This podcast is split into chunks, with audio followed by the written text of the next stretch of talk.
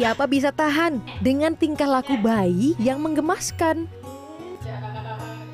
Alhasil, tak hanya orang tua, biasanya keluarga juga kerabat lainnya akan senang untuk menimang bayi sebagai salah satu bentuk kasih sayang ataupun sebagai respon jika bayi tengah menangis atau rewel. Nah, bagi yang senang menimang bayi, harap diperhatikan nih, sebab menimang ataupun mengayun bayi terlalu kencang dapat berbahaya dan mengakibatkan fenomena yang dikenal dengan shaken baby syndrome.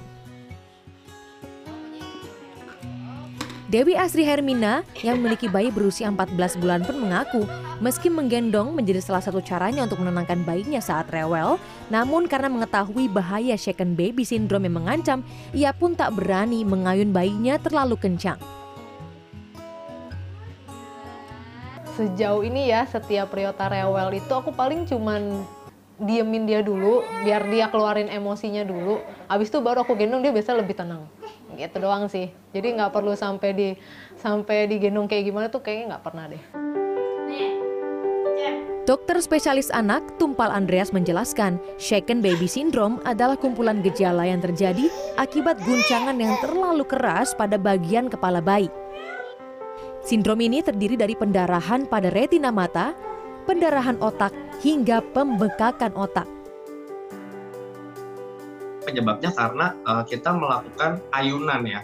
Ayunan yang terlalu berlebihan. Akhirnya di bagian otak uh, bayi itu yang masih belum terlalu terisi penuh itu akhirnya kayak uh, fenomenanya bounce gitu. Jadi bounce. Ya jadi itu yang nggak boleh. Jadi yang terpenting adalah mengingat bahwa mengayunkan bayi itu tidak boleh terlalu keras ya. Apalagi uh, pakai alat-alat bantu seperti zaman dulu tuh ada ayunan ya. Atau uh, dilempar ke atas. Nah, itu nggak boleh.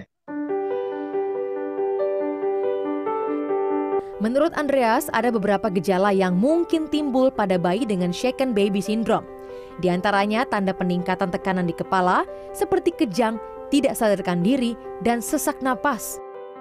Sementara jika cenderung tidak begitu parah, gejala yang ditimbulkan dapat berupa rewel berlebih, terlihat lemas dan mengantuk tiap saat, muntah, kehilangan nafsu makan, hingga gangguan bernapas. Jika mengalami gejala demikian, disarankan agar orang tua langsung bawa anaknya ke fasilitas kesehatan untuk pemeriksaan lebih lanjut. Shaken baby syndrome disebut lebih rentan terjadi pada bayi yang berusia di bawah 18 bulan. Sebab pada usia ini, otak bayi masih dalam tahap perkembangan dan tengkorak kepala bayi pun belum tertutup dengan sempurna. Oleh karena itu, penting bagi orang tua maupun pengasuh si kecil untuk memperhatikan cara mengayun bayi yang tepat guna mengantisipasi bahaya dari shaken baby syndrome. Nabila Putri, Fajar Bolivia, Jakarta.